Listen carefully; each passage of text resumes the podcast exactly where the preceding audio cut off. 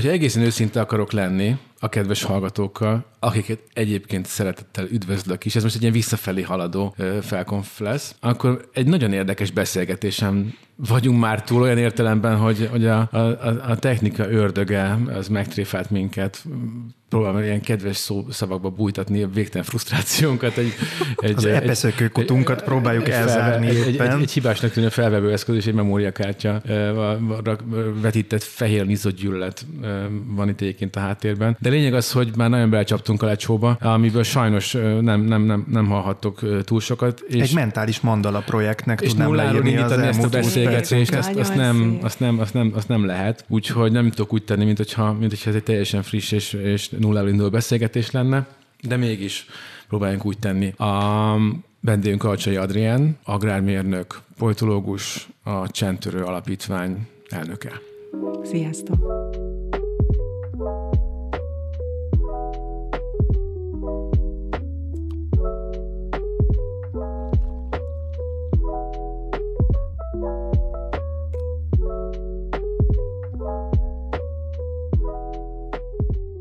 És mennyi és hány féle szerepkör ez, amit most itt csak így a nevet kapcsán megemlítettünk, és mégis tök érdekes, hogy ez, a, ez, ez hogy terelődik össze egyetlen egy embernek a, a munkájába, meg életébe. És amikor valaki mérnök lesz, és utána elkezd foglalkozni egészen más kérdésekkel és kérdéskörökkel, az hogy történik meg? Mm.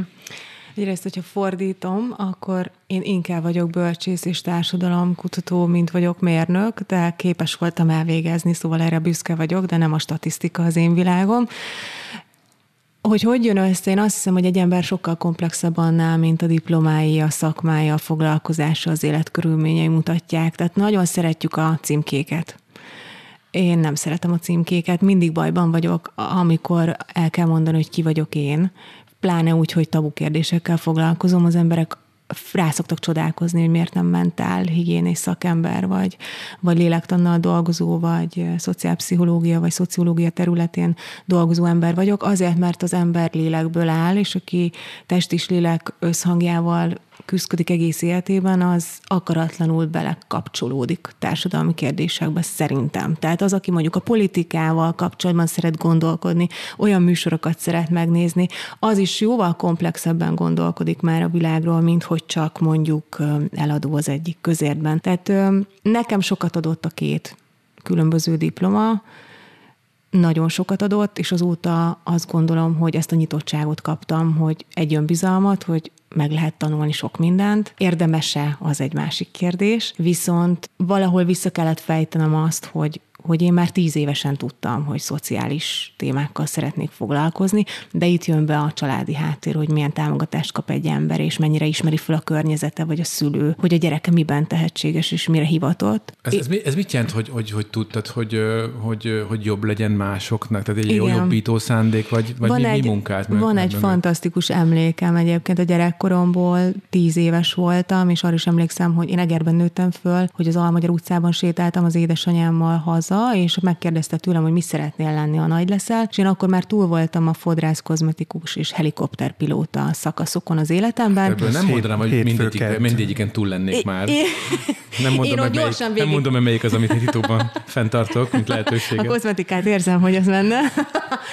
és akkor egyetlen mondatot tudtam megfogalmazni anyukámnak, az pedig az volt, hogy én nem tudom, mivel szeretnék foglalkozni, de én azt tudom, hogy segíteni szeretnék az embereken. Uh-huh. Na és akkor ez egy olyan érzet volt, ami azt gondolom, hogy ez egy ilyen belső működés, tehát hogy, hogy ezzel születik az ember, ez egy attitűd. Aztán nagyon érdekelt a társadalomtudomány, tehát engem tizenéves koromtól kezdve fantasztikusan a biztonságpolitika, a politika tudomány, a szociológia, engem már tizenéves kiskamaszkoromban ezek a területek nagyon foglalkoztattak, és ebben is éreztem otthon magam. De aztán eljutottam oda, az önismeretem vitt oda, hogy hol jelenik ez meg igazán cselekvésben, és nem csak a tanulásban. Tehát, hogy más, amikor kognitíven élünk, és, és, és csinálunk valamit, és az agyunk nagyon jól működik. Ez nekem össze kellett kapcsolódjon a lélekmunkámmal, tehát az önismeretem egy olyan pontjához jutottam már durván 35 éves koromra, amikor azt mondtam, hogy oké, okay, én képes vagyok a cselekvésig is eljutni a gondolkodáson kívül, tehát a lelkemből is tudok adni darabot, és valószínűleg a világnak az is segítség lesz, és ez a kettő össze tudott kapcsolódni, tehát a tudás,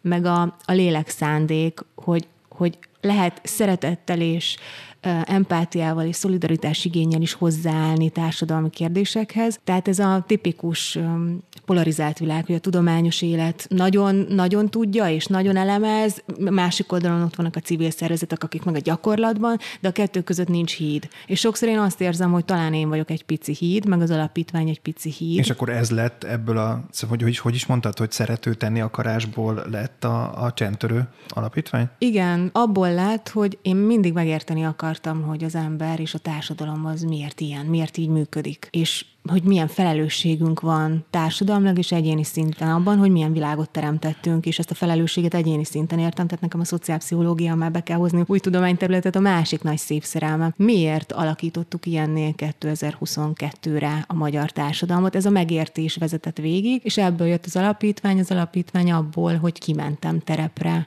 magánemberként, és megnéztem, hogy egy autista gyermeket nevelő édesanyja, vele mi van, ő hogy éli meg, ők mi, ő mivel küzd, és ki segíti abban a küzdelemben, fizikai és testi kimerültségében. Aztán rájöttem, hogy nagyon sok családhoz mentem ki, terelmunka, és nagyon sok esetben megjelent a párkapcsolati erőszak ugyanabban a kapcsolatban, ugyanabban a családi közösségben. Egyre több tabú jött elő egy-egy terepmunkán. Kimentem gyermekhospiszházba, ahol olyan mérhetetlen szeretet, odaadás, együttérzés volt a szakemberek részéről, az ott ápolt, gondozott gyerekekkel és a családjukkal kapcsolatban, hogy lenyűgözött, hogy a világnak van méltósággal teli, szolidaritással teli, együttérzéssel teli oldala, és ugye erről kevesebbet hallunk.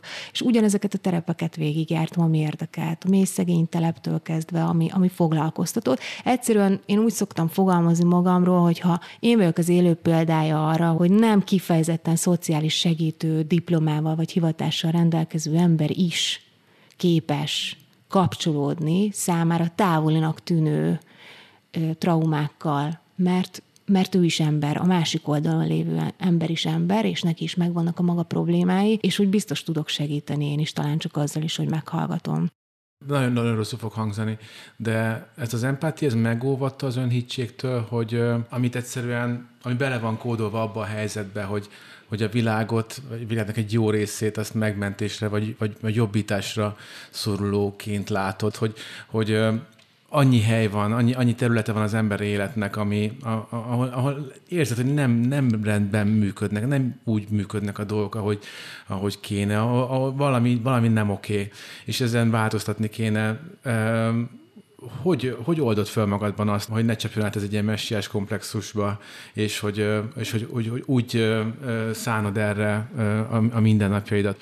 Hogy teljesedsz ki ebben, vagy hogy látod ebben a, a, a saját utadat? Hogyan látod saját magadat, és hogyan hatja át ez a, ez a, ez a hétköznapi valóságodat? A kérdésed abban ijeszd meg, hogy akkor azt a benyomást keltem, hogy van egy ilyen Isten komplexusom. Nem, nem, nem. Ezt, ezt, ezt, féltem, hogy ezt, ezt, ezt rosszul hangzik. Próbáltad körbeugrálni, pedig Igen, nagyon ügyes sem, de, de nem Remélem, sikerült. hogy nem ez jön el, inkább azt akarom bizonygatni, hogyha már úgy döntött az ember, hogy társadalmi... Onnan indult, onnan indult hogy, hogyha már kiskorodban, és ezt nem akartam így rákérdezni, de hogyha kiskorodban már érezted, hogy, hogy, hogy szeretnél segíteni az embereket, akkor már kiskorodban sem volt túl jó véleményed a világról. Így van, nagyon jól pedzegeted. Traumatizált gyerekkorból jövök, és ezzel azért nem dolgoztam sokáig valószínűleg ezekkel a területekkel, mert még nem voltam vele rendben. Uh-huh. Én néhány éve kerültem ebbe egy olyan állapotba, egy olyan rendben levéssel, ahogy úgy szoktam fogalmazni, hogy ez már ne, ez a részem, de nem az egészem. Uh-huh. És ez nagyon fontos. Tehát kitörölhetetlen része az életemnek, viszont inkább erőforrás és transformáció, mint hogy, mint hogy annak a gátló oldala legyen. De ez egy nagyon kemény terápiás út, nagyon kemény belső út, nagyon kemény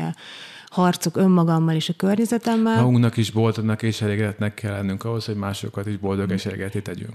És, és milyen, milyen igaz az, hogy segíteni sem tudsz, ha nem vagy önmagaddal rendben. Tehát uh-huh. nem tudsz értő figyelemmel és kapcsolódással lenni a másik emberrel kapcsolatban, ha te alapvetően valahol mindig a te kivetülésedet látod, vagy te a saját igazadat keresed, vagy, a, vagy az áldozatiságot, vagy a másik oldalt, és én akkor mertem igazán ezzel a területtel dolgozni, amikor azt éreztem, hogy itt képes vagyok kapcsolódni, de nem úgy bevonódni, hogy növeljem az áldozatiság érzését mondjuk a másik félben, és ezzel rátegyek arra, hogy ő ebben az állapotban kell, hogy maradjon, hanem inkább csak a figyelmemet adtam, és abból azt az információkat és tudást hoztam ki, hogy a figyelem, a hallgatás, az gyógyító. Uh-huh. És akkor elkezdtem foglalkozni az áldozatkutatással, a traumakutatással, hogy mire van szüksége a legtöbb esetben egy áldozatnak, sokszor csak arra, hogy meghallgassák, és nem kell hozzá véleményt fűzni.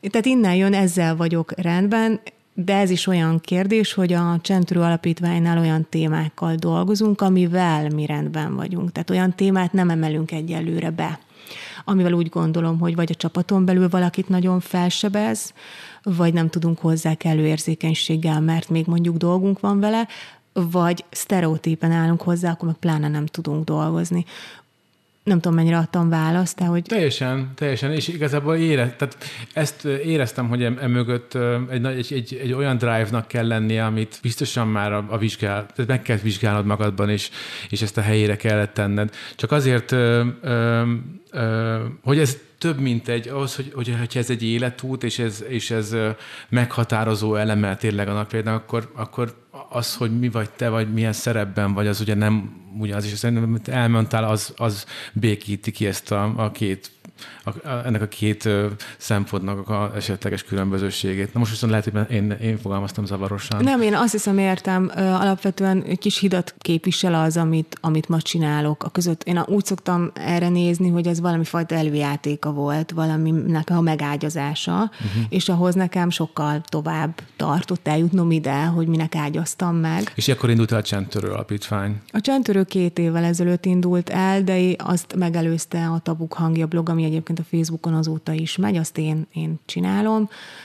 az egy, egy ilyen egyszemélyes projekt volt, és abból nőtte ki magát az alapítvány, mert azt éreztem, hogy amit képviselek, abban minél többször beszélgettem emberekkel erről, hogy van felelősségünk abban, hogy milyen világot teremtünk, és a gyerekeinknek miért teremtünk. Egyre többen csillogó szemmel reagáltak, és azt éreztem, hogy ezt össze kellene valahogy kötni, és akkor legyen ez egy közösség, és lett is. Tehát két év alatt sokan vagyunk, önkéntesekkel dolgozunk, és külső szakértőkkel, és most már kezd kialakulni a Csentürőnek a célközönsége, azok, akik például egy-egy témában a Smart User programunknál például minden előadásra vagy konferenciára eljönnek, mert annyira tetszik nekik, amit képviselünk, amit mondunk, hogy ők rendszeresen ott vannak, és azért ezek nagy utak. Uh-huh. És ráadásul kendőzetlenül őszinte vagyok a, a, a konferenciákon, képzéseken bárhol, azzal kapcsolatban, hogy én milyen utat jártam be. Ha úgy érzem, hogy fogadja a közönség, és látom a tekintetüket, és érzem az energiában a kapcsolódást,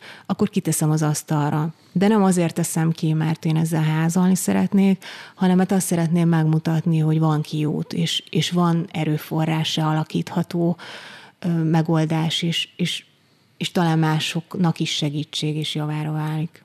Nagyon nehéz, mert ugye most akkor minden hallgatónak talán már leesett, hogy túl vagyunk egy beszélgetésen, ami aztán most így nem történt meg, és próbáljuk mm. újra összekotorni azt, hogy miről is beszéltünk, és őszintén már én nem tudom most, hogy elhangzott ez már, most hangzott el, az előző beszélgetésünkben hangzott el, ami elszállt az SD kártyával együtt, de a hogy, nyomorult SD kártyával. De hogy alapvetően csak, hogy értsétek, elkezdtünk beszélgetni az első etapban arról, hogy, hogy a szülői felelősség, mint egy általános kérdéskör, ahol hogy állandóan a legtöbb képernyővédő podcastes beszélgetésünkben valahogy eljutunk, hogy hm, hát igen, a szülő, a szülő felelőssége lenne ez is, meg az is, meg amaz is. És már kezdett rossz érzésünk lenni ezt, emiatt, hogy igen, valahogy mindig, ezt megpróbáltuk, mindig itt kötünk Megpróbáltuk ki. valahogy ezt akkor mégis egy beterelni abba az utcába, hogy jó, akkor beszéljünk a szülői felelősségről. Elkezdtünk beszélgetni, pillanatok alatt elkezdtünk a tabukról beszélgetni, kiukadtunk oda, hogy mit is jelent a tabu Ugye a Csentörő alapítványnak a fő tevékenysége ezeknek a társadalmi tabuknak, Naka, illetve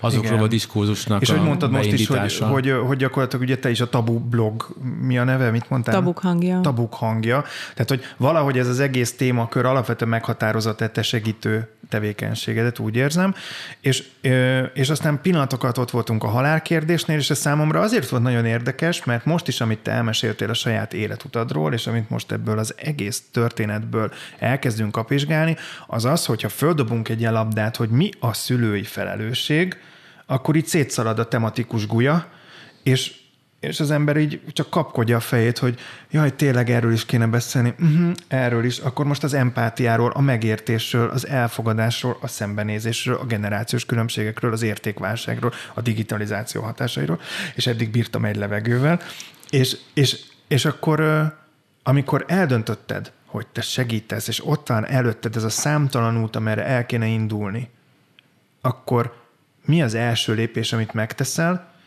Sőt, engedd meg, hogy úgy tegyem fel a kérdést, hogy ha én egy szülő vagyok, és azt érzem, hogy oké, okay, az én felelősségem, oké, okay, értem, de mi az első lépés, amit megteszek? Mit, mit csináljak? Hogyan, hogyan segítsek akkor mi, mi, mi, most hozzád fordulok, mint szülő. Mi az első lépés, amit együtt meg tudunk tenni? Miben? Ez a fő kérdés. Hát abban, hogy mondjuk azt érzem, hogy általánosságban a, a gyerekemmel nem találom a hangot, mm. nincs meg a probléma, és még, még, még be se néztem azok mögé a, a kis résekbe, vagy a kis hasadékokba, amit mondtál most, hogy az empátia, az elfogadás, a szülői létnehézsége, az általános értékválság, a, a, a stb. Tudod, mit inkább te mondd el, mert, mert, mert én bennem már tényleg összefolynak azok a dolgok, hogy, hogy, hogy, hogy miről, miről esett szó pontosan, de hogy egyáltalán mi az, ami, amikor azt mondom, hogy nem, nem klappol, nem találom a hangomat a, a, a gyerekkel, elmegyek egy előadásra, elmegyek segítséget kérni, effektíve megkérlek, hogy segíts, akkor, akkor mi az első lépés egy ilyen szembenézés során? Különítsük egy kicsit el. Tehát nálunk azért hogy világos legyen, azért nem egy ilyen szülők iskolája típusú programokat csinálunk. Tehát a mi célcsoportunk az az 5-től 25 éves korosztályig a fiatal felnőttekig bezárólag, és az őket körülbelül felnőtteket célozzuk. Tehát egy picit másodlagos vonal a szülő és a pedagógus, de nélkülözhetetlenül fontos, hogyha érzékenyítésről van szó, meg párbeszédindításról, gyerekeket érintő kérdésekben. Tehát mi elsősorban a gyerekekkel és a gyerekekért dolgozunk azért, hogy olyan olyan világban nőhessenek fel, ahol szerintem, amiket mondtam, alapértékek, mint együttérzés, szolidaritás, elfogadás, az, az működőképes, és nem csak nagy szavak, hanem a gyakorlatban érezhető, hogy olyan közösségek alakulnak ki, munkahelyi közösségek, olyan családi közösségek, ahol figyelni tudnak egymásra, ahol érzékelik egymás problémáit, ahol, ahol csak egy jó, jó ízű kérdéssel és őszinte kérdéssel már érzi a támogatást. Aprónak tűnő dolgok, viszont szerintem életminőségjavítóak. És olyan verbális, és akkor még nem is beszéltünk a tabuknak a verbalizációs, tehát szóban való gyökeresítése, amikor olyan gyereknevelési kommunikációt alkalmazunk, a katona dolog. Hmm. Vagy ez a jól van, nagy ügyet csinálsz belőle. Jaj, ez csak kakaskodás. Kortárs bántalmazás egyik leg, leg népszerűbb mondata, hagyjatok, csak gyerekek csak kakaskodnak, ezt majd túlélik.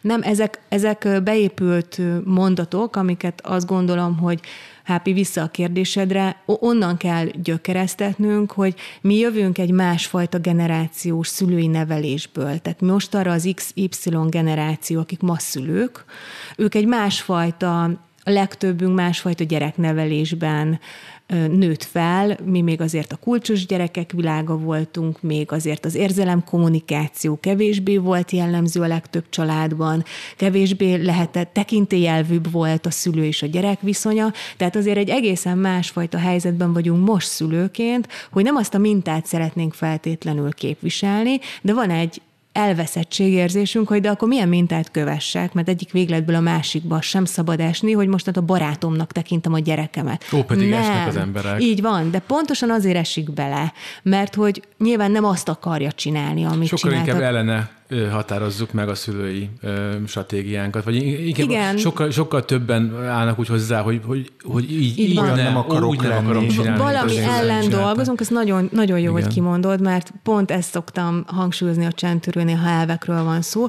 hogy mi nem valami ellen dolgozunk, hanem valami ért dolgozunk. Uh-huh. Nem, a, nem a előző szülői nevelési elvek ellen dolgozunk, hanem a gyerek ért dolgozunk.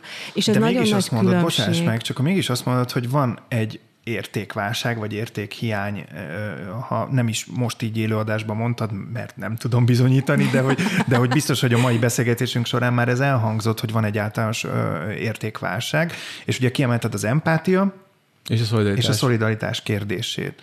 És azt akartam megkérdezni erre, hogy ha mégis ezt válságként és hiányként éljük meg, akkor, akkor mégis ezt a generációs változást romlásnak értékeljük, vagy, vagy, vagy akkor ezek, ez generációs hiány? Most nem azért válaszoljak én a helyetted erre a kérdésre, hanem inkább egy picit csavarnék rajta. Szülőként egy nagyon komoly probléma vagy nehézség az, hogy a gyerekemet hogyan készítsem fel a társadalmi, ugye, ugye a család szerep, egyik szerepe a társadalmi integráció, hogy bevezesse a gyereket a társadalomba ez azt is jelenti, hogy nem feltétlenül azokra a dolgokra kell megtanítanod, amire szíved szerint megtanítanád, és nem feltétlenül olyan szépnek fested le, festeni, kell lefesteled neki a világot, amennyire te szépnek látod, hanem fel kell készítened arra is, ami valóban a társadalomban majd őt várni fogja. Na, és hogy amit mondtál ezzel kapcsolatban, az, hogy egy szülő a gyerekét mennyire egy, egy ember-embernek farkassa versenyhelyzetre készítve küldi be a ringbe, vagy pedig mennyire azt mondja, hogy legyen jó ember, legyél empatikus, és ne bánsd a kisebbet. Egyszer felségem azt mondta a legkisebb gyerőnek, hogy ne egyél köcsök, de állj ki magadért.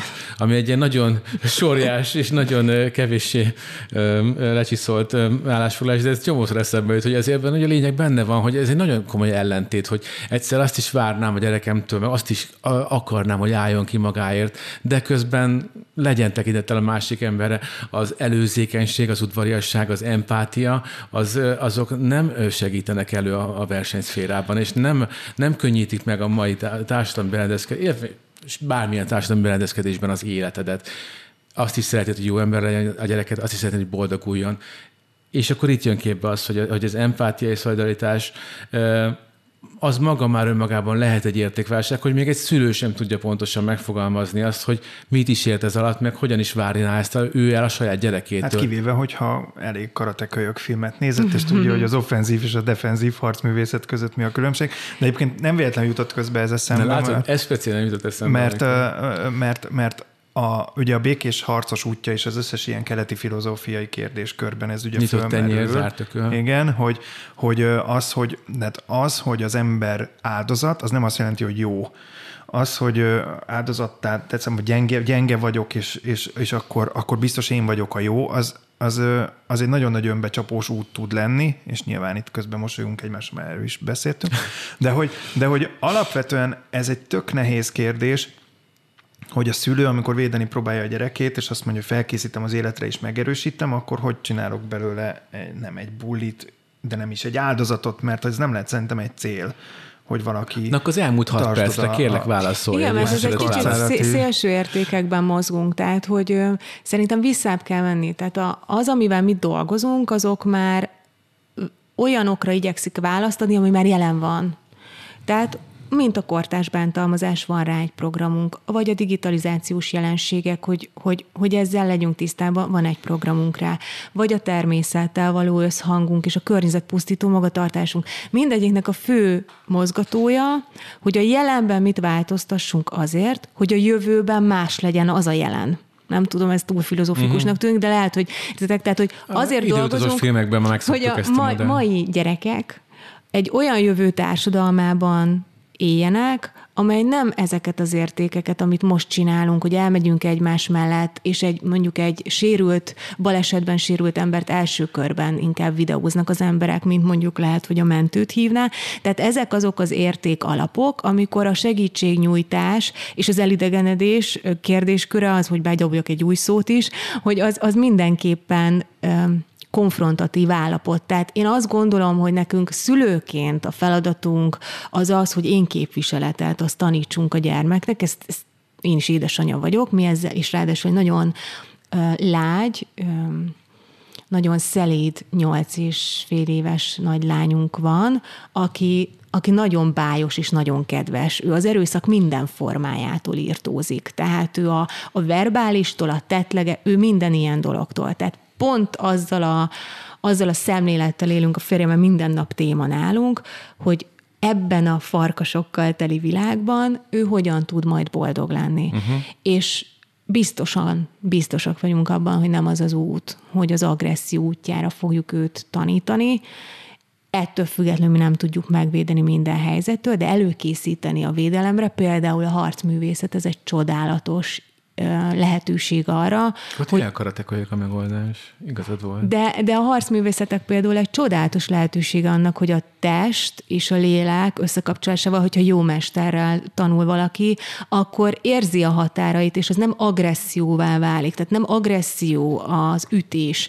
És ez, ez nagy különbség, de ez megint messzire vinne, hogy az erőszak az hol jelenik meg. Én azt gondolom, hogy szerintem óriási kihívással küzdünk szülőként, de én akkor is azt gondolom, hogy egy gyerek abban a közösségben, ahol ahol létezik nap mint nap, ott az a közösség, ahol ő fejlődik, ott egymást segíteni, egymást támogatni kell, ahol nem fér bele a kiközösítés, és nem fér bele az online bullying, és nem fér bele a, az ilyen másodlagos traumatizáció sem. Ez lehet, hogy illúzió, de azért kell dolgoznunk, hogy ez minél kevesebb legyen. Igen, közben azért forgattam egy kicsit a szemeimet, mert hogy ez így tök jól hangzik, de hogy olyan, mintha szembe mennénk ősi ösztönös dolgokkal. Tehát, hogy nem tudok, ez szerintem nem a digitalizáció kérdése az, hogy a gyerekek rohadékok egymással az iskola udvaron. Ó, az, egy, az egy időtlen Tehát, dolog.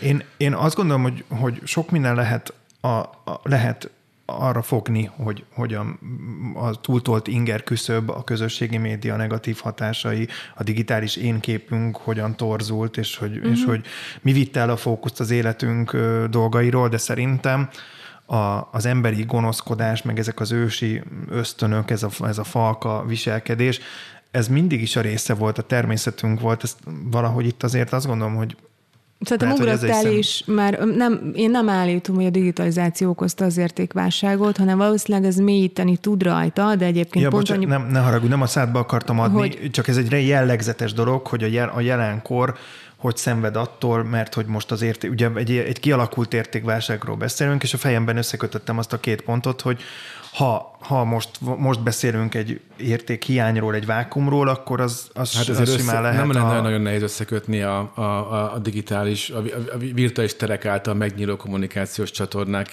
és a, az értékválságnak a kialakulását, de ez most van, nem... Igen, van összefüggés, de tehát, inkább... nem alaptalan ezért ez a abszolút, feltételezés. Tehát abszolút, ha hallottam csak... ilyen hangokat, és nyilván okkal feltételezhetjük, hogy ebben azért van egymásra ható folyamat, csak kicsit attól félek, hogy mennyire esünk bele abba a csapdába, mint amikor az ACDC volt az oka annak, hogy a gyerekek sátánisták lesznek. De én majd. pont ezért fontosnak tartom, hogy, hogyha most már stigmázzuk, és akkor azt mondjuk, hogy a digitalizáció okozta az értékválságot, amiben én nem hiszek, hanem az, hogy hozzá tud járulni. Uh-huh. De akkor itt a már is terelhetem arra a felelősségre, hogy egyébként vannak-e a szülőknek ma alapvető elvei, ami mentén készíti a gyermekét a mindennapi működésre. Becsület, felelősségvállalás, őszintesség.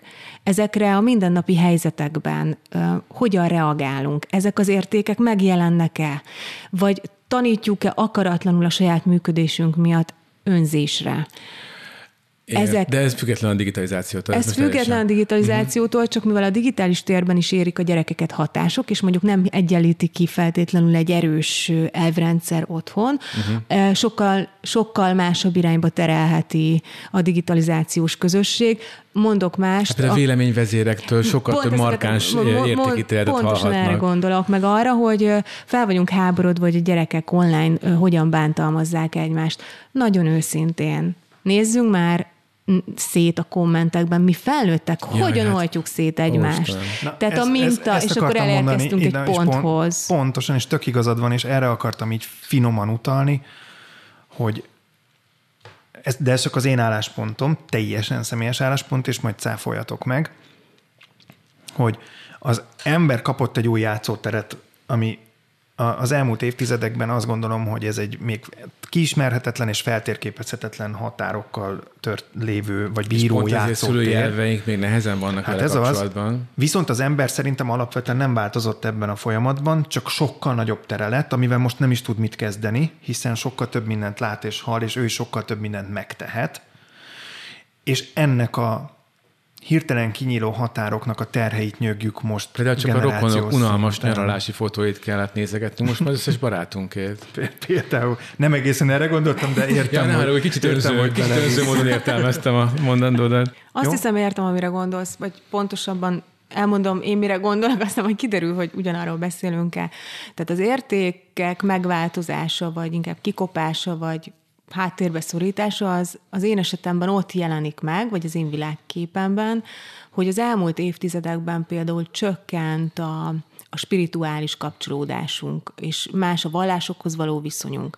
Tehát sokkal materialistább lett az ember, és fő funkciója az embernek az, hogy ő gyarapodjon. Ezért vezetett oda az elmúlt 50 évünk, hogy elkezdtük a bolygót teljes mértékben túlfogyasztani és ki elhasználni, mert hogy az ember ezt az életét tartja mindenhatónak, és ezáltal elkezdett olyan döntéseket hozni, amivel ezt teljes mértékben ki tudja szolgálni. Míg ezek a fajta ilyen társadalmi morálok, amik, amik amik határok voltak, hogy meddig fogyaszthatsz és hová juthatsz el, azok jelentősen megváltoztak azért az elmúlt évtizedekben, és a digitalizmus, ha már be kell hoznom, ott jelenik meg, hogy a millió-millió videó és influencer életében mit látsz, az a, a most itt vagyok, gazdag vagyok, ez bárki elérheti. Igen, de mi van Tehát... akkor, hogyha ez a gyarlóság, amiről beszélsz, vagy amit gyarlóságnak értelmezek én, ez mindig is az emberi ezzel jellemnek és pszichének az alapvető része Ez volt. Így van. Csak ahogy mondtam, ahogy változnak az eszközeid és lehetőségeid, úgy még inkább nehéz. Tehát, hogy szerintem az, az emberi döntéseket lényegesen jobban meg tudta határozni az a korlát, amit a saját, hogy mondjam, nem is tudatlansága, vagy a kisebb rálátása a világra okozott, emiatt könnyebb volt dogmatikus keretek között tartani, emiatt ugye mondhatjuk azt, hogy értékkövető magatartás volt, de valójában lehet, hogy pont azok a tabuk határozták meg, és most direkt és szándékosan challenge meg, tehát kérlek, hogy nyugodtan táncoljál a lövedékeim elől, de, de de azon gondolkozom mindig, amikor, amikor a bezegrégenezés bármilyen formában indul, és nem ezzel vádollak, csak ugye alapvetően mindig hat rám, amikor olvasom a, az időseknek ezeket a bevett paneljeit arról, hogy, hogy hova tűnt azok, hova tűnt, a sorkatonaságot kellene visszahozni, mm. ugye, és akkor ezzel szerintem egy mondatba összefoglaltam hogy mi van akkor, hogyha ez mindig is ez volt, mindig mindenki a saját lehetőségeihez mérten hozta ki a legrosszabbat magából, és aki viszont jó volt, és akiben ott van ösztönösen az a, az, az emberi jóság, nem tudom mi, nem, nem, tényleg nem tudom belőni, az pedig a legnehezebb időkben is mindig valahogy alapértelmezetten a helyeset döntötte, vagy a morálisan jót, és még nem is kellett hozzá különösebb értékrendet tanulnia. Ez szerinted Szerintem de. Szerintem Kellett? ezt az értékrendet igenis tanuljuk, a, tanuljuk és magunkba szívjuk. Tehát um, születhetsz olyan környezetben, amely teljesen ellene dolgozik annak, hogy te azzá válj, um, de lehet a másik is, de én azt gondolom, hogy ezek finom hangolások is, ki lehet terjeszteni egy személyiségben mind a kettőt. Ki uh-huh. lehet a vadállatot is, ami egy emberben lakozik, és, és pusztítani tud, de ki lehet azt az angyali oldalt is szerintem, és ehhez a közeg nagyon meghatározó. És itt, és ha megint digitalizmus, akkor, és generációs válság, akkor amit mondtál, az jutott eszembe, hogy milyen nagyon érdekes az az új jelenség, amit ugye kaponyitási pániknak hívunk. A 20 évesek egyik fertőző, szorongásos népbetegsége lett, és nagyon komolyan kell venni, és dolgozom is olyan fiatal felnőttekkel, akik ezzel küzdenek. És nagyon jól fogalmazták meg, és azt hiszem, hogy ezt ők tudják jól, és a mi generációnk már nem. Ők fogalmazták meg azt, hogy nekik az a problémájuk, hogy úgy nőttek föl, hogy kisfiam, kislányom, bármi lehetsz. Ez a világ már olyan nyitott, mert bezzeg ugye a szocializmus, stb. mi egy másik világban nőttünk fel, bármi lehet belőled ez olyan válságot okoz egy embernek, aki szereti a lekeretezést, hiszen a bármi és minden az nem megfogható, és talajvesztettséget okoz. És itt jön be az, hogy, hogy azért átestünk a ló másik oldalára, mert nem igaz, hogy bármi és minden lehet, mert nem lehet valaki egy új Beyoncé. Ha nem tudok énekelni, nem lesz belőlem Beyoncé. Tehát nem igaz, hogy bármi és minden lehet. Tehát, hogyha a szülői nevelés és egyéb témákra egy kicsit visszavezessem, az itt jelenik meg, hogy átestünk a ló másik oldalára, amikor viszont a világ kinyílt, és ezért mi is elhittük, hogy minden lehetséges, de nem biztos, hogy mindent el kell fogadnunk abból, amit a világ számunkra nyújt. És itt jön be az érték, szerintem az értékfogalma, hogy akkor mi alapján döntjük el, hogy mit fogadunk el, mire van szükségletünk, mi az, ami nekünk jót tesz, mi az, ami a gyerekünknek jót tesz, és akkor nem akarom ezt tovább filozofálni, de én még mindig azt gondolom, hogy kell, hogy alapvető szülői elveink legyenek, ahol, ahol a gyerekemnek ugyanúgy tanítjuk azt, hogy, hogy hogyha konfliktusba keveredik az iskolában, akkor álljon ki magáért, de tudjon mérlegelni abban, hogy lehet, hogy a másiknak is igaza van, és a saját viselkedésével, higgadságával mutasson példát a kortársának. Tehát ez egy, ez egy nehéz út, és itt semmi másra szerintem nincs feladatom szülőként, hogy minden áldott nap megkérdőjelezzem egyébként, hogy jó tanácsot adtam neki, nézzem meg, hogy, hogy ez működik-e, és ő ezzel tud-e azonos lenni. Tehát minden nap tudatában kell lennem annak, hogy milyen helyzetekbe keveredik, és abban a kortársai között például miben tud önmaga lenni anélkül, hogy sérüléseket túlzottan szerezne, de nem túlóva őt. Tehát szerintem ez egy óriási kihívás.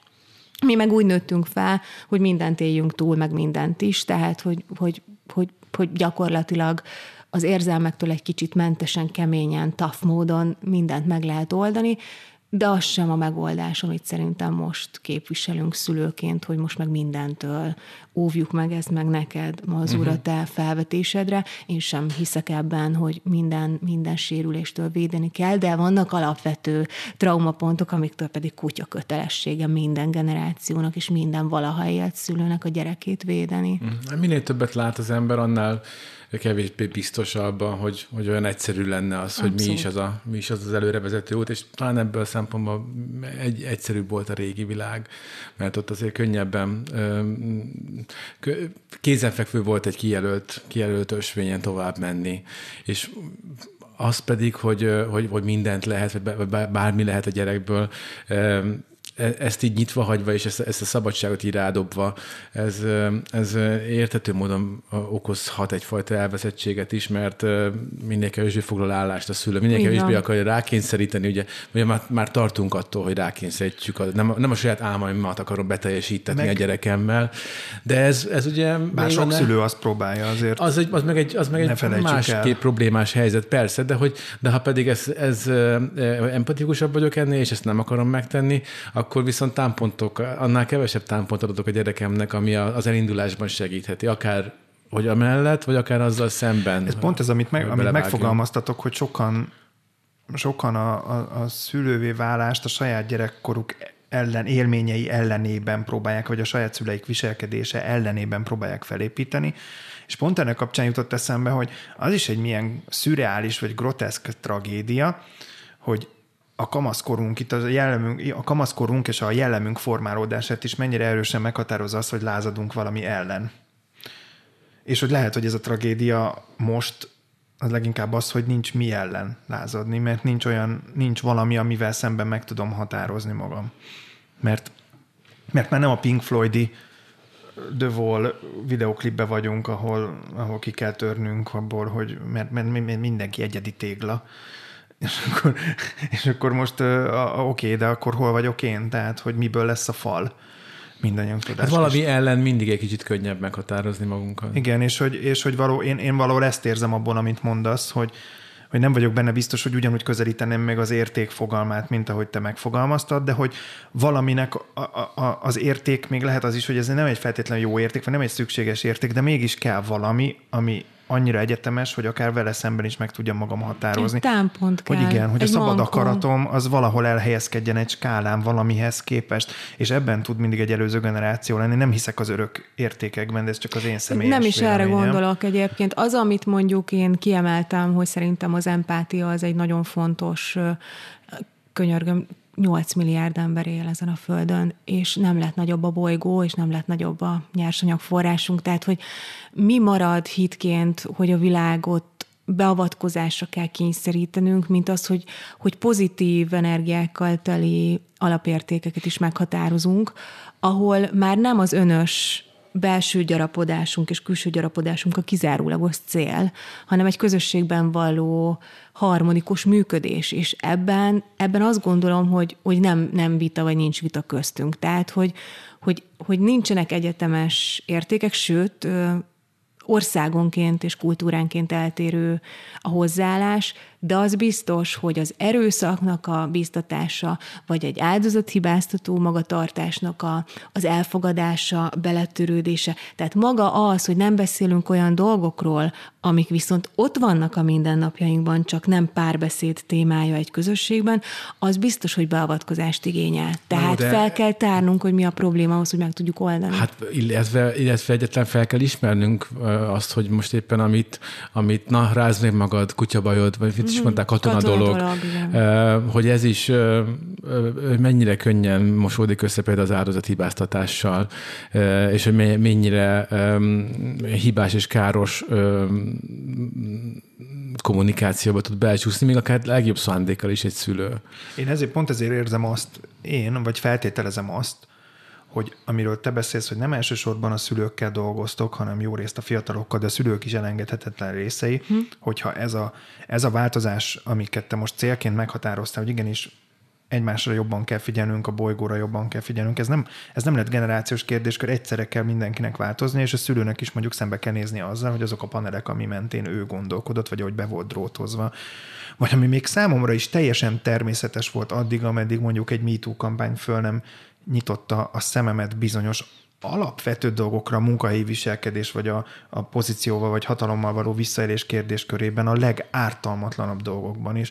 Legártalmatlanabb hit dolgokban Vagy hit is. dolgokban is, igen, köszönöm. Tehát, hogy, hogy döbbenetesen fura szembenézéseket hoz ez, nyilván, de ez kell valamilyen hajlam, vagy én nem is tudom, Meg mi mitől nézel hozzá. szembe attól, hogy Igen. társadalmi párbeszéd lett a MeToo Igen. kapcsán a hatalommal való visszaélés. Az egyik. A másik, hogy egyszerű példát mondjak, hogy hol jelenik meg, hogy szükség van az empátiának a, a fokozott használatára, egyébként a saját tréningjeinken ha szülőknek vagy pedagógusoknak tartunk például a Smart User programunk, ami a digitalizációval foglalkozik tréninget, a legalapvetőbb érték, amit be kell hozni az empátia, az pedig azért, mert hogy hogy prekoncepciókkal ül ott az XY generáció, és minősítő ítélkezésekkel teli prekoncepciókkal ül le, mondjuk kis sztereotípiákkal ül le, és onnan kell elkezdenünk dolgozni. Ahhoz, hogy ő be tudja fogadni, hogy mi történik a gyerekeivel, vagy a diákjaival, és hogy milyen generációban, és milyen kihívásokkal küzdenek, és küzdenek keményen a kihívásokkal, ahhoz el kell őt vezetni az XY generációt oda, hogy értsd meg, hogy egy másik fajta gyerekkor van neki, mint ami nekünk. Uh-huh. És ezt fogad el, legyél elfogadó ezzel, enged be ezt a gondolatot, és onnan el tudunk kezdeni a nulláról dolgozni. És akkor tudja azt a tartalmat, tudásanyagot, vagy ismeretanyagot tőlünk befogadni, ha ezt a gátot magában, hogy elengedi ezt a sztereotípiát, hogy na, mert a mai fiatalok, mert hogy ezek állandóan csak csetelnek, meg ki nem... Egy, ki hozta ezt a világot rájuk? Tehát itt jöjjön be akkor a döntések, a felelősség kérdése, és ezért tartom fontosnak, hogy, hogy el kell juttatni minden tréningünk elején, jobb esetben az elején el tudunk jutni um, ezzel a felnőtt közösséggel, és akkor úgy minőségben tudunk négy-öt órát még együtt tölteni, de van olyan, akinél egyértelműen látjuk, hogy ez nem fog átmenni, de tisztességgel végigüli, valamennyi átragad neki, és bizonyos technikai tudással mondjuk elmegy innen, szóval én már akkor örülök, hogyha egy 25 fős tréningünkből mondjuk 5 embernél határozottan beindul az a megértő magatartás, és ez visszajelzésekben is megjött. Például az egyik pedagógus azt mondta a tréning után, hogy már hétfőn egészen másképp ment oda a diákhoz, hallott, hogy beszélgettek videójátékokról, és oda ment hozzá, és teljes nyitottsággal tudott kérdezni a játékról úgy, hogy ő 50 pluszos pedagógusként, nőként dunszta nincs, és nem is érdekli. Egyszerűen be tudta fogadni azt, hogy, hogy az a gyereknek örömet okoz, uh-huh. barátaival tölti az időt, másképpen működik, és úgy tudott vele kérdezni, hogy a gyerek valóban elhitte, hogy ez egy őszinte kérdés. Nem akart más mutatni a pedagógus, egyszerűen csak el tudta fogadni, hogy a gyerek másik világban működik, és nem hasonlítgatja ő a saját 40 évvel korábbi kamaszkorához. Tehát ez szerintem elengedhetetlen fontos, hogy beszélgetni tudjunk társadalmi kérdésekről ahhoz, hogy a generációk elkezdjenek egymás felé nyitni. De ez még Mondtad a technikai tudást, az, azért ennek meg kell, biztos vannak ilyen kis apró trükkjei, mert önmagában a jó szendék az még nem elég. Tehát még hogyha meg is van a szülőben a kapcsolódási vágy, de szerintem rengeteg szülő topog zavartalan, egy áll egyik lábáról a másikra, mikor, mikor megéli azt, hogy most a gyerekem valami buborékban van, ami, ami, amiben én nem tudok belépni. Egyszerűen azért, mert már megvan a saját világa, megvannak azok a dolgok, amik, amik őt izgatják, érdeklik Például mondjuk a videójáték, hogyha nekem túlszom sincs róla, de neki ez fontos, hogy, hogy közeledjek valamihez, ami, amiről fogalmam, vagy nem is az, hogy fogalmam, mert lehet is akár bármilyen fogalmam, de hogy a, gyere, a szülőben igazából az van, hogy a gyereke felé akar nyitni, igazából bármi érdekelni, ami a, ami a gyereké, bármilyen infónak, bármilyen impulzusnak örülne a gyerekével kapcsolatban, és pont kamaszoknál, amikor jön a hogy vagy se, hogy mi volt semmi, akkor, akkor jó, tudom, ez egy másik, most csak utalok az életkori szakaszra, tehát hogy akkor, akkor hogyan, hogyan törje meg a szülő azt, mert azzal csak, hogy, hogy, hogy annyira, akar, annyira szeretném már, hogy valami őszintén megnyilvánulnál felém, mondj már magadról valamit, az ugye nem nehéz beszélgetést Az kezdeni. egyik nagyon szerintem hiba, amit szülőként elkövetünk sokan, vagy követnek sokan. Szerintem ebbe ugyanúgy beletartozok én is, és mindannyian hibázunk. Tehát mindannyian csesszük el, és ez nagyon fontos, hogy, hogy ezt vegyük észre, és másnap már ne úgy csináljuk.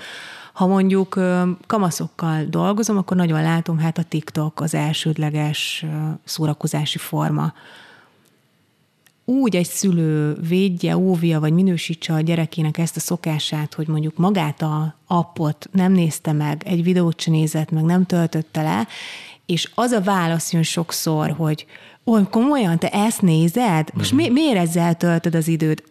Mi történik itt? Ítélkezünk, ítélkezésmentes módon kellene nyitnunk a gyerekünk felé. Fogadjuk el, hogy neki most ez a szórakozás, mi meg orbitális hülyeségeket csináltunk kamaszként, ami, amiről lehet a szülő nem tudod, de csináltuk. Amiről tök jó TikTok videókat lehetne csinálni. Amiről most, igen, és egy élet... csinálnak és mennyire boldogok lehetünk, hogy ezt senki nem örökítette meg, és a mi gyerekeink viszont már ezzel a csodálatos ajándékkal nem rendelkezhetnek, mert még mindennek nyoma van. a fotóim, még hogyha lennének videók is, mennyire Gondold el, hogy mi kell. Szóval, hogy ezzel csak azt akarom mondani, mondani, hogy már maga a kérdezés technika is sokszor. Tehát amit te mondasz, az úr, az egy nagyon jó állapot, hogy már annyira akarsz a gyerekedhez kapcsolódni, de azért valljuk be őszintén, többségében egy túlhajszolt szülő nem, nem azon töri a fejét, hogy kapcsolódjon Na jó, feltétlenül. De egy ilyen megnyilvánulás, mert megint ezt a baromságot nézed, ez is igazából már az a fölötti frusztráció, hogy nem tud, hogy kapcsolódni ez így van, hozzá. De ezt kell észrevenni szülőként, uh-huh. hogy, hogy önreflektíven gyakorlatilag már annyira akarok valamit, hogy már rosszul kommunikálom ki. Uh-huh. A gyerekek, én legalábbis azt tapasztalom a tréningeken is,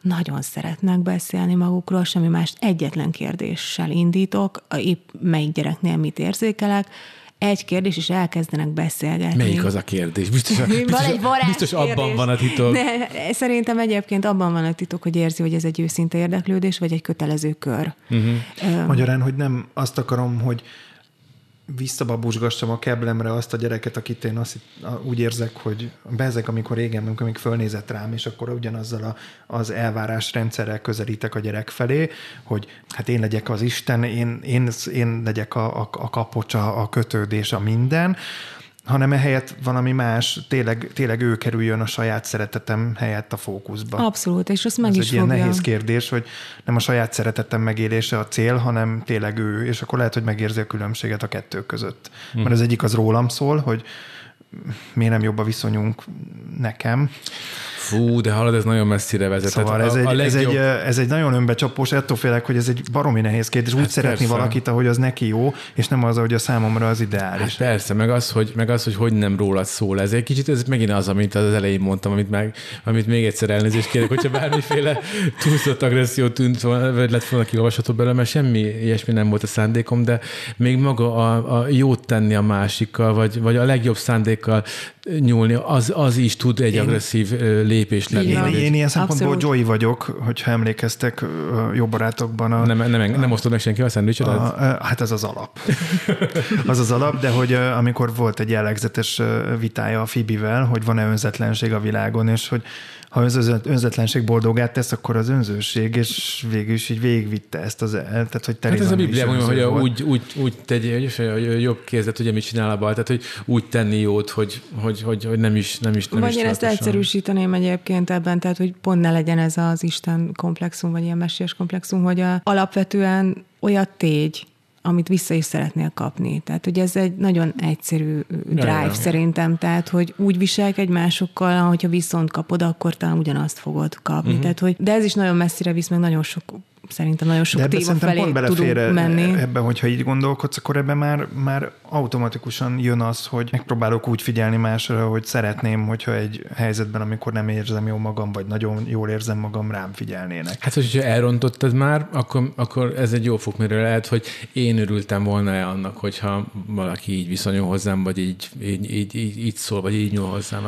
adott helyzetben. Elképesztően sokáig lehetne még ezt húzni, de még egy utolsó kérdést hagyd tegyek fel ebben. Amikor a szülő rájön erre, amit most te mondtál, hogy mondjuk valamit már így elrontottam, de szeretném rendbe hozni, akkor tudtok ebben segíteni, vagy hogy tud ebben lépni? Tehát amikor már szembenéztem azzal, hogy változásra van szükségem, uh-huh. és mondjuk esetleg fel csillan az empátia őrlángja valahol, új erőre kap bennem, és azt mondom, hogy mostantól hogy szeretnék viszonyulni a gyerekemhez, de még mindig nem tudom esetleg, hogy hogy vagy valami, akkor egy ilyen tréningen kap ő segítséget, vagy mankót nem, ehhez, nem, hogy hogy kezdeményezem? A, mi nem a jó szülőséget, vagy elég jó szülőséget ö, oktatjuk. Tehát, hogy az, az, azt azért muszáj hangsúlyoznom, hogy mi olyan kérdések mentén építjük a tréningjeinket, ahol megtalálja a szülő a, talán a helyesebb irányt az elakadásaiban. Tehát, ha mondjuk kortárs bántalmazás kérdése van, akkor a jelenséggel, a működéssel kapcsolatban, hogy uh-huh. ő szülőként hogy reagálhatna, arra a helyzet, és mikor vegye észre, hogyha már be kell avatkoznia. Az egyik, a másik pedig a nagyon egyszerű és profán, amit mondani fogok. Ha egy szülő észreveszi azt, hogy neki változásra van szüksége, mert a dolgokat lehet, hogy nem jó irányba terelte, semmi többet nem tehet, mint hogy a gyerekének ezt őszintén megmondja, és partnerként kezeli a gyereket. A gyerek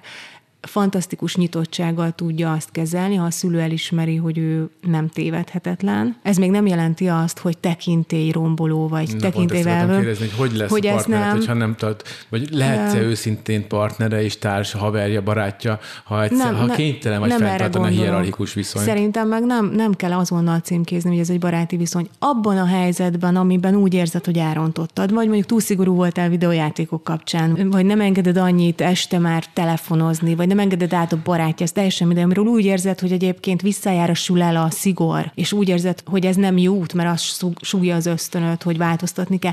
Abban az egy dologban állj oda a gyereked elé, és mondd azt, hogy ezt beszéljük meg, mert úgy érzem, hogy ebben nem jó irányt vett ez a, ez a kapcsolat. És Csak akkor abban az egyben. egy ilyen? Tehát nyilván, hogyha, hogyha szigor van, akkor annak oka van. Tehát valamiért a szülő úgy érezte, hogy korrigálni kell egy, egy, egy nem megfelelő irányt. Mit lehet ezen megbeszélni? Arra reflektál reflektálok, amit, tenni, vagy? nem arra reflektálok, amit a HP mondott, hogy ha észreveszi a szülő, hogy szerinte nem jó irányba megy az a nevelési elv, amit ő meghatározott. Ezt értem. Csak Tehát hogy... nem arra gondolok, amikor mondjuk, nem tudom, egy rájön a szülő, hogy, hogy távolodik a gyereke, mert most túl szigorú volt, és akkor nem ért egyet azzal az elvel, de mégis meggondolja magát. Ilyen játszmákban szerintem nem érdemes belemenni. Egyszerűen azt kell megnézni és megkérdezni a gyerektől, hogy hogy vagy, és ebben én tudok-e valamit segíteni, és erre a gyerek oda csapja az orrára az ajtót, és azt mondja, hagyjál békén, mert én, én tiktokozni akarok, és a barátnőmmel csetelek, vagy videót telefonálok, akkor semmi más dolgod nincs, mint hogy szerintem az hozon kívül, hogy dúzdogva lenyeled azt a szülői önérzetedet, hogy itt most marhára nem tudsz beavatkozni,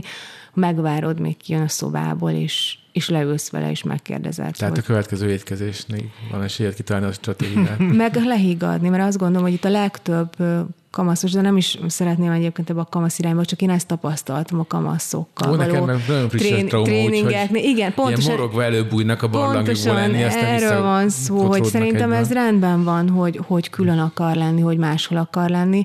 Szerintem kamaszkorban már ilyen beavatkozási pontjaink sokkal kevesebb van. Addig valamit, amit ki tudtunk alakítani, egy bizalmi kötődés és kommunikációval teli kapcsolatot, annak a kivetülése az megjelenik majd kamaszkorban, de én még mindig állítom, hogy az a jó, ha egy gyerek lázad, az a jó, mert keresi az elszakítási pontjait, ami egy egészséges fejlődés része, hogy a szüleitől el szeretne szakadni. Uh-huh. Tehát ezzel nincs gond. A szülőnek az a dolga, hogy ezt a védőhálót adja meg, hogy például a digitális térben...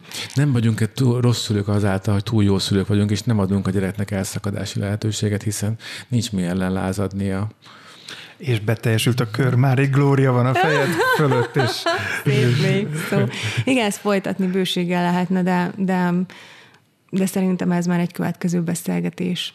Hát nem is egy, mert, mert azért négy, négy-öt olyan téma biztosan volt, amiről akár külön önmagában is. Egy kicsit talán legközelebb fókuszáltam, biztosan visszahívnánk még beszélgetni, hogyha ha nem, nem, nem nincs ellenedre, mert, mert nagyon-nagyon sok kis csengettyű szólalt menet közben, amit, amit még zengetnénk, vagy tudom, hogy meneküljek ki ebből a, a mondatból. Csengettyű zengetésről például egy külön podcastot lehetne tartani. Ami, ez azt egy másik. Az adott cselek, témának Nagyon specifikus. Az adott cselekvés tökéletesítése. Igen, Jó, nagyon hárman meghallgatnák ezt a podcastot. ők, ők, ők, ők örülnének.